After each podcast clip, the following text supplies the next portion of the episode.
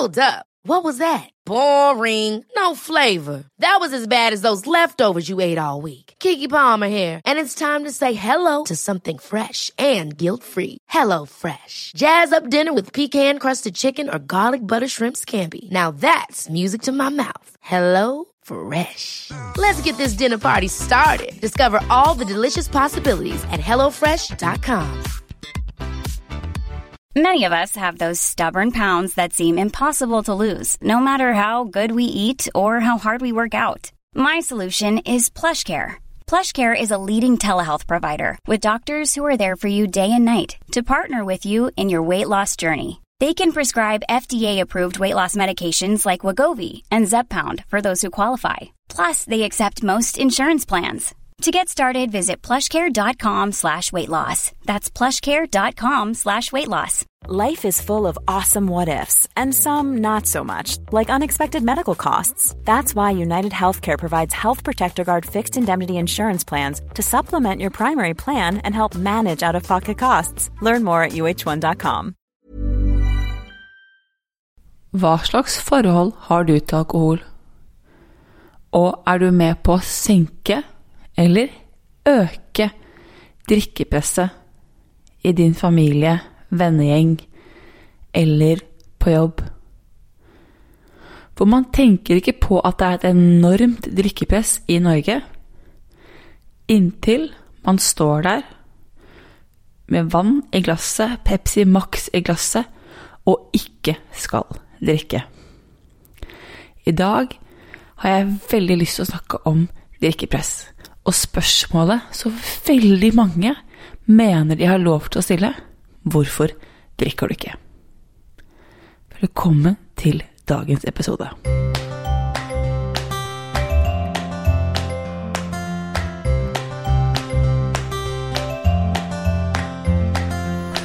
Det er få ting som trigger nysgjerrigheten til mennesker mer enn når man velger å ikke drikke i sosiale lag.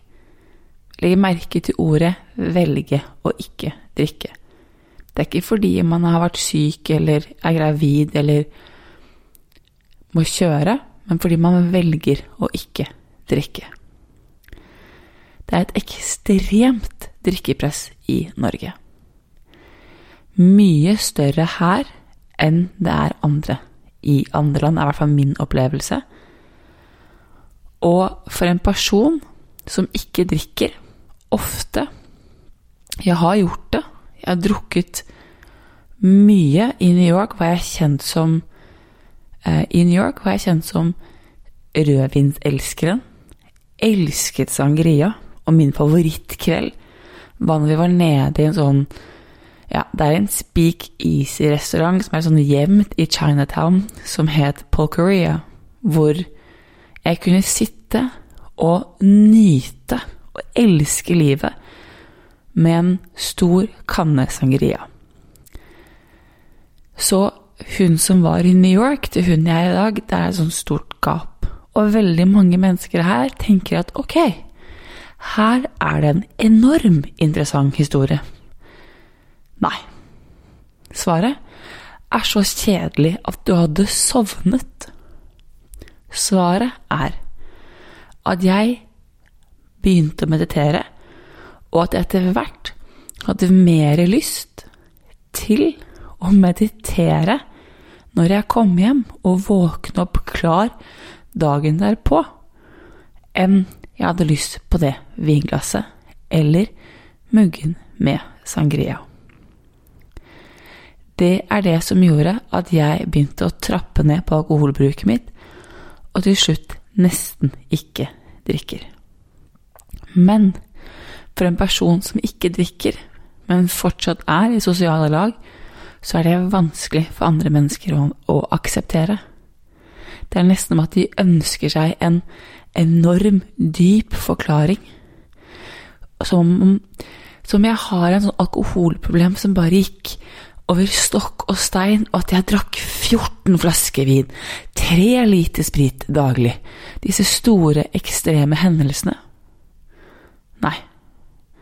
Men det jeg kan fortelle deg, er at jo mer jeg lærer om meg selv, og jo mer jeg lærer om kroppen, jo mer skjønner jeg også hvorfor kroppen min nå ikke vil ha så veldig mye alkohol.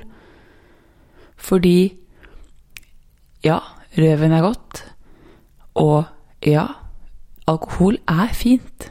Det å nyte et glass Veldig mange mennesker sier at ingenting som å nyte en kald pils på en varm sommerdag. Personlig så har jeg aldri likt øl, så det vet jeg ingenting om. Eller en rosévin på en kald sommerdag med reker til hvitvin, ikke sant? You name it. Det er alltid en årstid for en ulik vin. Eller drikke.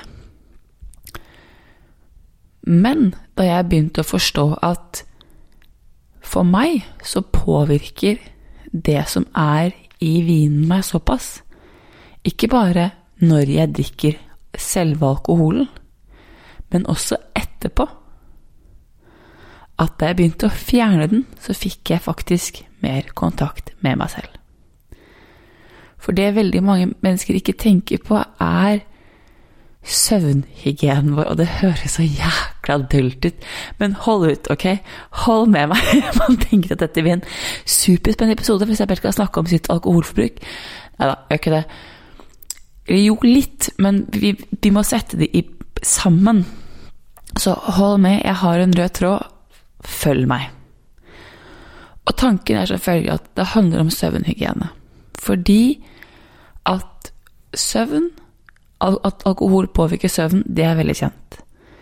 Og jeg husker ikke hva det er for noe i alkohol, men alkohol gjør også at du blir mer nedstemt dagen derpå. Så for de av dere som bruker det vinglasset til å numme, til å ta toppen av det emosjonelle begeret, i håp om at ok, men bare det vinglasset, det vil gjøre meg god, eller det vil gjøre alt godt nok. La meg nyte den rødvinen etter en tung dag. Dagen derpå blir verre, fordi at alkoholen, det er en vinglass som skulle gi deg en nytelse, det er faktisk det vinglasset som er med på å gjøre deg mer nedstemt. Og for en person som Jeg likte rødvin veldig godt før. Jeg syns nok er godt nå, men jeg får så vondt i hodet av det at jeg velger å ikke gjøre det. Og det er ingenting som er mer irriterende å forsøke å meditere med vondt i hodet. Just FYI. Men søvnhygiene er viktig. Fordi det, det at du drømmer om natten, er med på å påvirke deg om dagen. Jay Sherry sier det så fint, at morgenrutinen din starter kvelden før. Og det jeg bodde i New York, um, spesielt ja, det var vel etter at jeg var ferdig med masteren min, og jeg ikke visste hva jeg skulle gjøre, så begynte jeg å få små panikkanfall. Men de kom veldig ofte, enten på natten, hvor jeg våknet av meg selv og fikk panikk, eller på morgenen.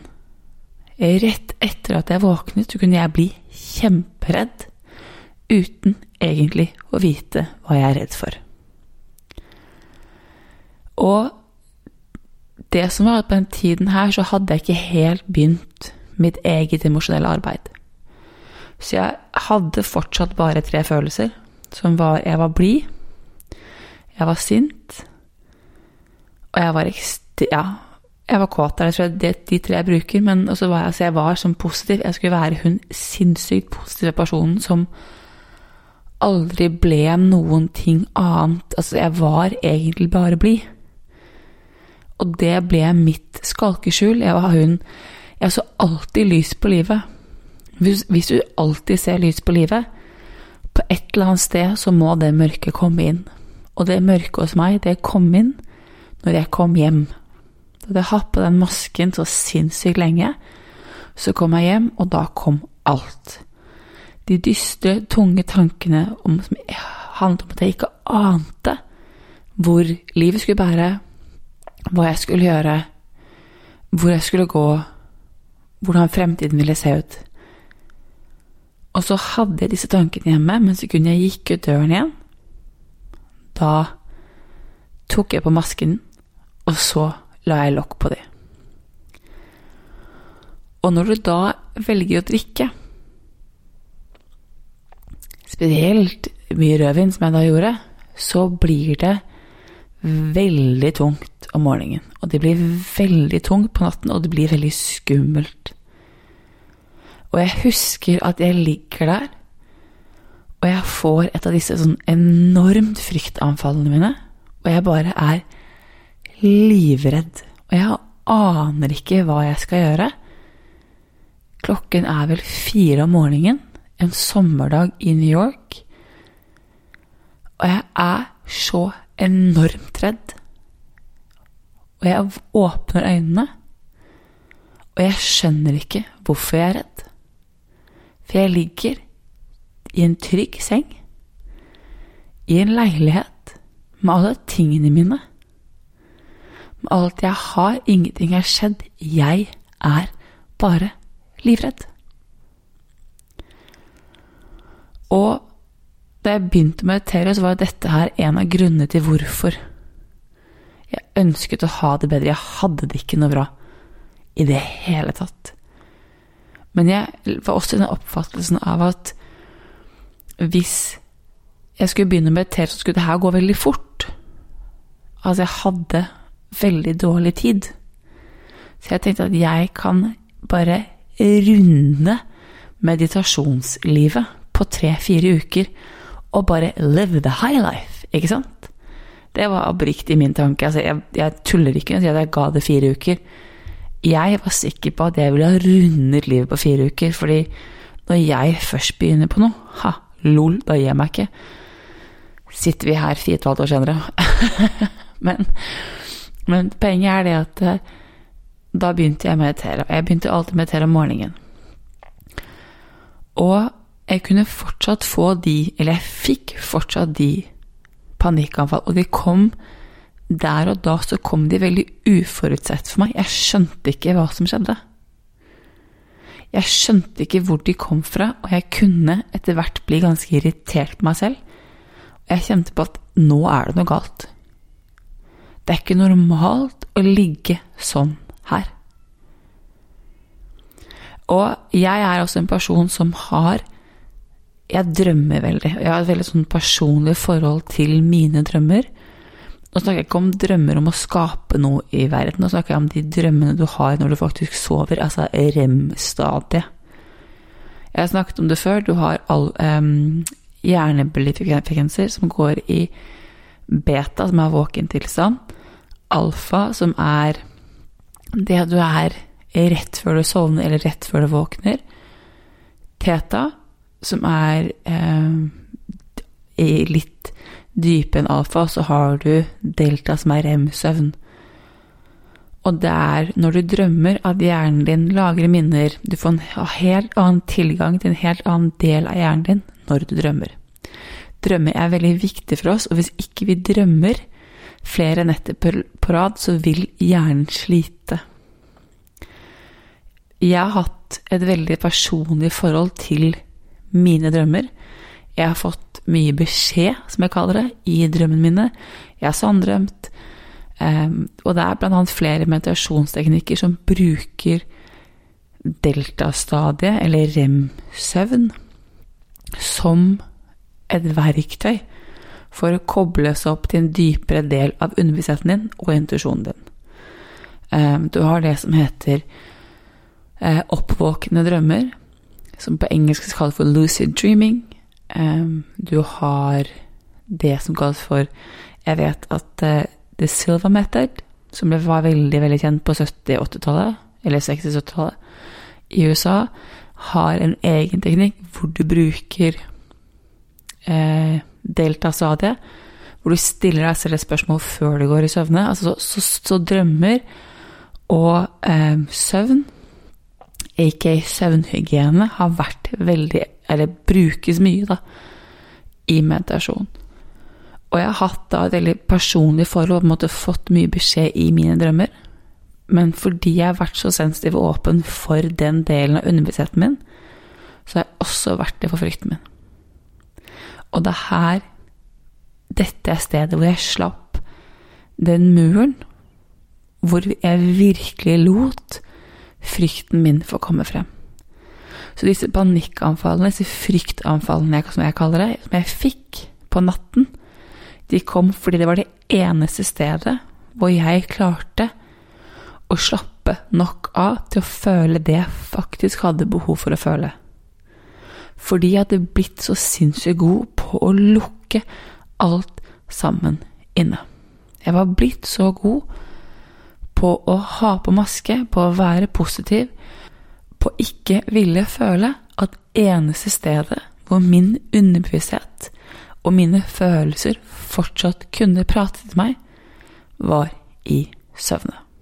Og det begynte faktisk med at jeg måtte meditere meg selv i søvn. For jeg sier at du må sitte i følelsen.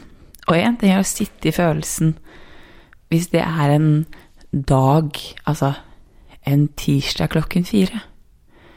Noe helt annet er å skulle sitte eller ligge i en følelse når du ligger i sengen og du føler deg totalt lammet.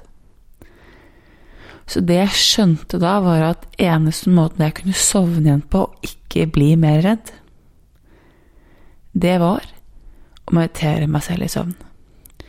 Så jeg måtte hjelpe meg selv til å roe meg selv ned for å lande i kroppen. Fordi tanken, altså nervesystemet mitt, var bare i høygir. Og jo mer jeg gjorde det, jo bedre funket det. Så til slutt så ble det ikke lenger et spørsmål om jeg skulle meditere meg selv i søvn, det ble løsningen. Fordi jeg måtte Jeg ville mye heller ta det her på dagen. Det var lettere å jobbe med frykten min på dagtid enn det var å ta det på natten, for jeg følte meg så ekstremt naken. Og det fortsatte jeg med. Og til slutt så kom jeg til et sted hvor jeg skjønte at lysten min til å meditere ble større enn det å drikke det rødvinsglasset ved middag. Så det begynte med at jeg, at jeg drakk mye mindre rødvin fordi jeg ville meditere.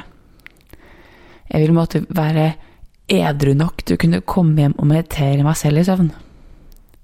Fordi det er ikke noe peng å forsøke å meditere hvis du har drukket en flaske rødvin. Det kan jeg fortelle deg. For da Ja, da, da bare sier det sånn Å, det er en sånn derre eh, karikaturtegn som sier sånn du, du. Ok, jeg klarte, jeg klarte, ikke å lage den bevegelsen, men se for at det er sånn, sånn et håndkle du tar inn i hjernen som at det er bare helt tomt, da. Har jeg lyst på en god natts søvn, så må jeg meditere før jeg legger meg. Og da kan jeg ikke drikke så mye som jeg gjorde før. Og den tanken ble til at jeg drakk mindre og mindre og mindre inntil jeg sluttet helt. Og så kunne jeg sånn jeg kunne ta ett glass her og der, i ny og ne, til at jeg nå er sånn Ja, jeg kan sippe til et halvt glass hvis det, som, hvis det skal være noe stas, men det er ikke nødvendigvis det at jeg trenger det i det hele tatt. Men det interessante er at jo mindre rødvin jeg drikker, jo flere spørsmål stiller folk. Det er så unormalt å ikke drikke. Det er så unormalt å ville velge å si at vet du hva, jeg ønsker faktisk å ha en god natts søvn.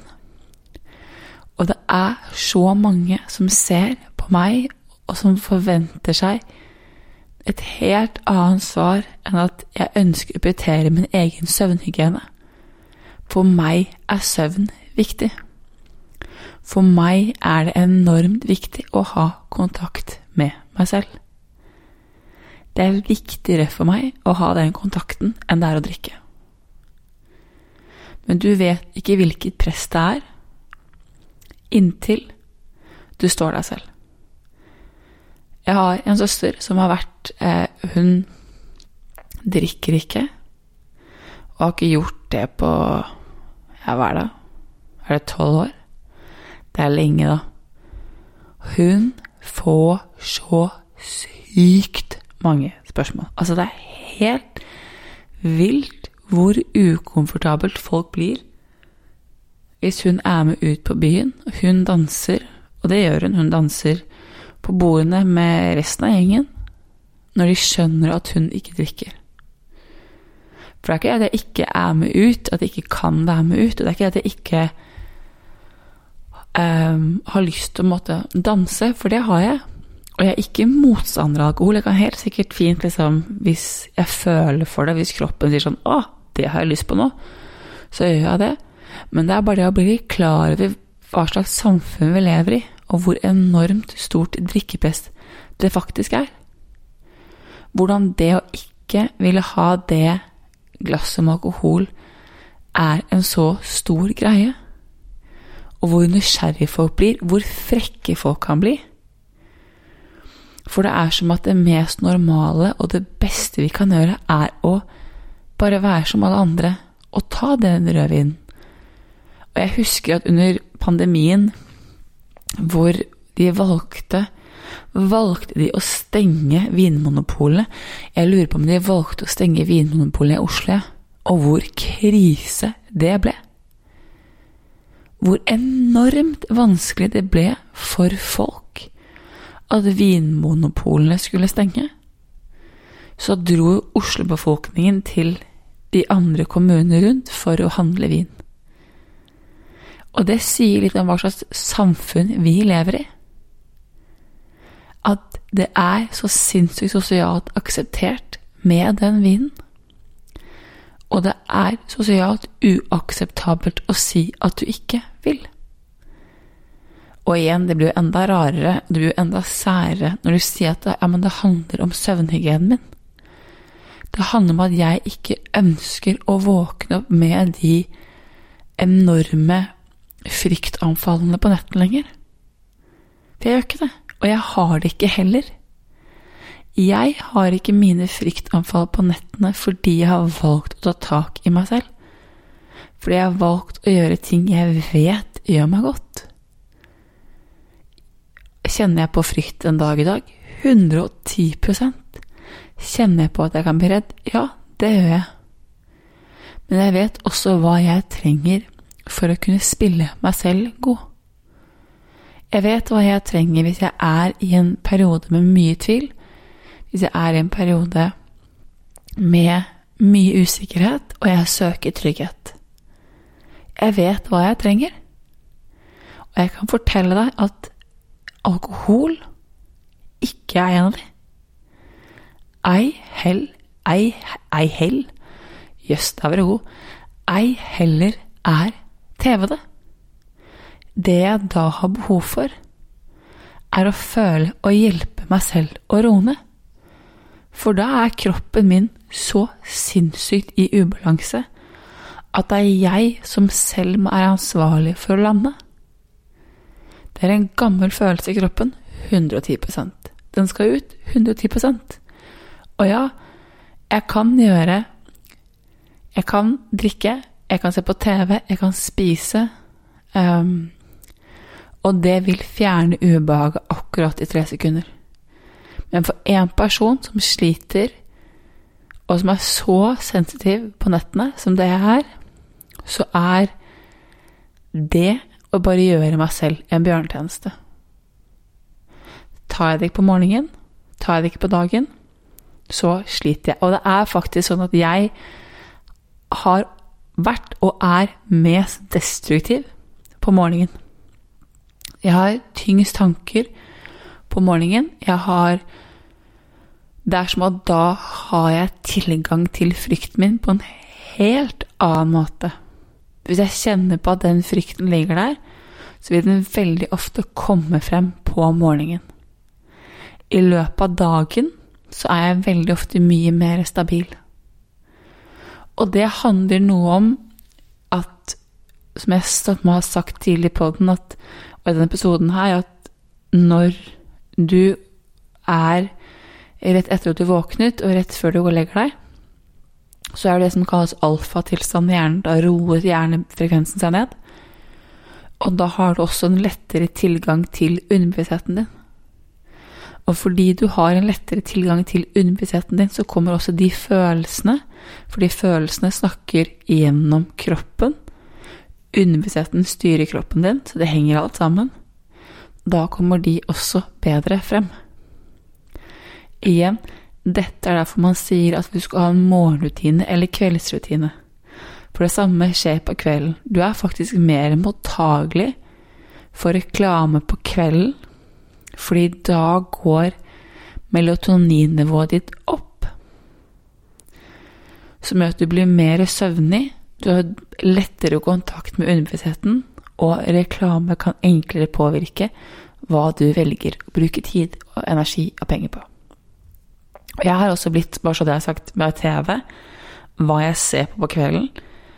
Hvis jeg ser Jeg kan garantere det. Trenger ikke å teste ut, jeg vet det. Hvis jeg ser en film med mye action og volley, som jeg veldig sjelden nå gjør, men hvis jeg skulle gjort det Jeg kan garantere deg at jeg drømmer om det. Jeg kan garantere deg at den sitter i flere dager på nettene. Fordi det jeg tenker på, det jeg kjenner på rett før jeg går inn og legger meg, det er det som går til å prege hele natten min.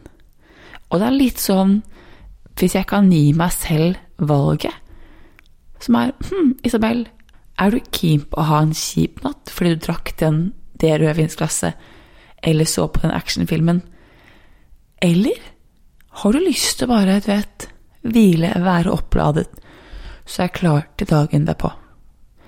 Og jeg har begynt å velge det siste.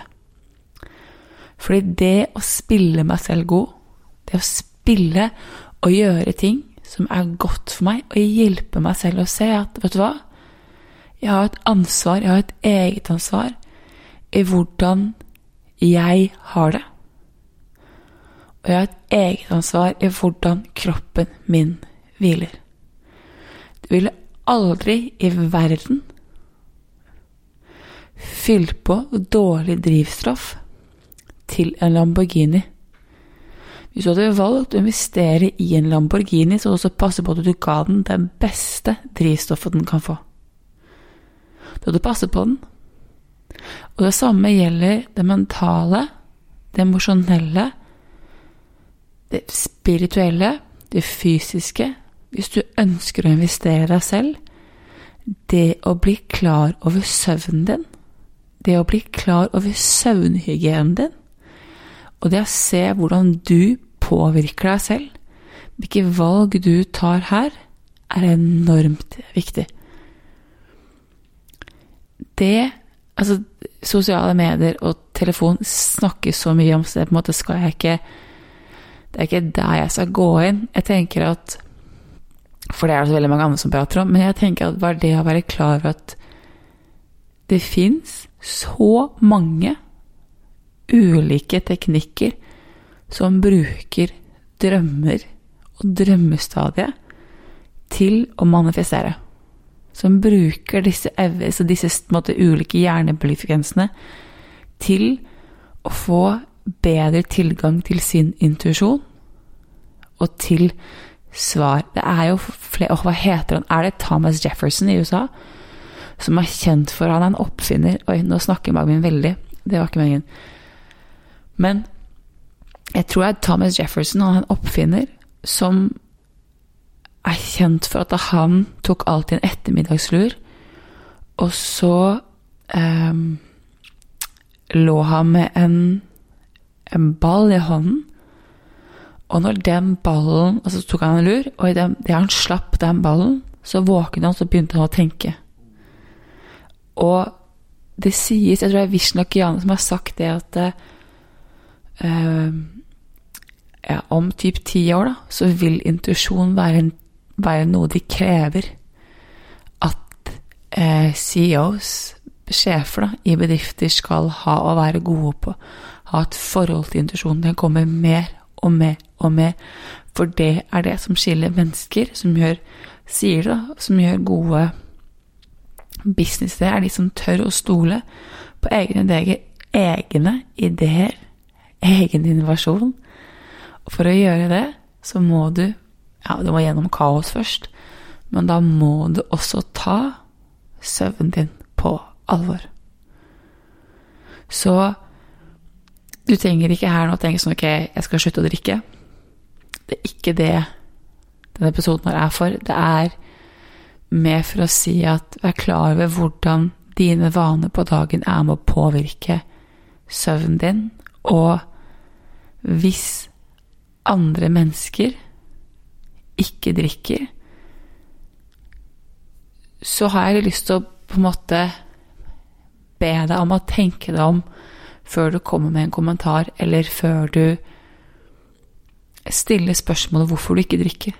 Fordi at eh, du ser det ikke selv, du kjenner ikke på det presset selv inntil du står der. Og det er ganske rått at i et i-land som Norge, så er det å drikke alkohol et så stort press. Ikke bare blant ungdom, men også blant voksne mennesker. Jeg håper du har en magisk dag, og, og at du begynner å utforske drømmestadiet i deg. Fordi det er Jeg tror det er en av de beste tingene jeg begynte å gjøre. Var jeg faktisk begynte å ta min søvnhygiene på alvor. Ha det! Even when we're on a budget, we still deserve nice things. Quince is a place to scoop up stunning high-end goods for 50 to 80% less than similar brands. They have buttery soft cashmere sweaters starting at $50, luxurious Italian leather bags, and so much more. Plus, Quince only works with factories that use safe, ethical, and responsible manufacturing. Get the high-end goods you'll love without the high price tag with Quince. Go to quince.com slash style for free shipping and 365-day returns. Ever catch yourself eating the same flavorless dinner three days in a row? Dreaming of something better? Well, HelloFresh is your guilt-free dream come true, baby. It's me, Kiki Palmer. Let's wake up those taste buds with hot, juicy pecan-crusted chicken or garlic butter shrimp scampi. Mm. Hello Fresh. Stop dreaming of all the delicious possibilities and dig in at HelloFresh.com. Let's get this dinner party started. Imagine the softest sheets you've ever felt. Now imagine them getting even softer over time. That's what you'll feel with Bowl and Branch's organic cotton sheets. In a recent customer survey, 96% replied that Bowl and Branch sheets get softer with every wash. Start getting your best night's sleep in these sheets that get softer and softer for years to come. Try their sheets with a 30-night guarantee. Plus, get 15% off your first order at bowlandbranch.com. Code BUTTERY. Exclusions apply. See site for details.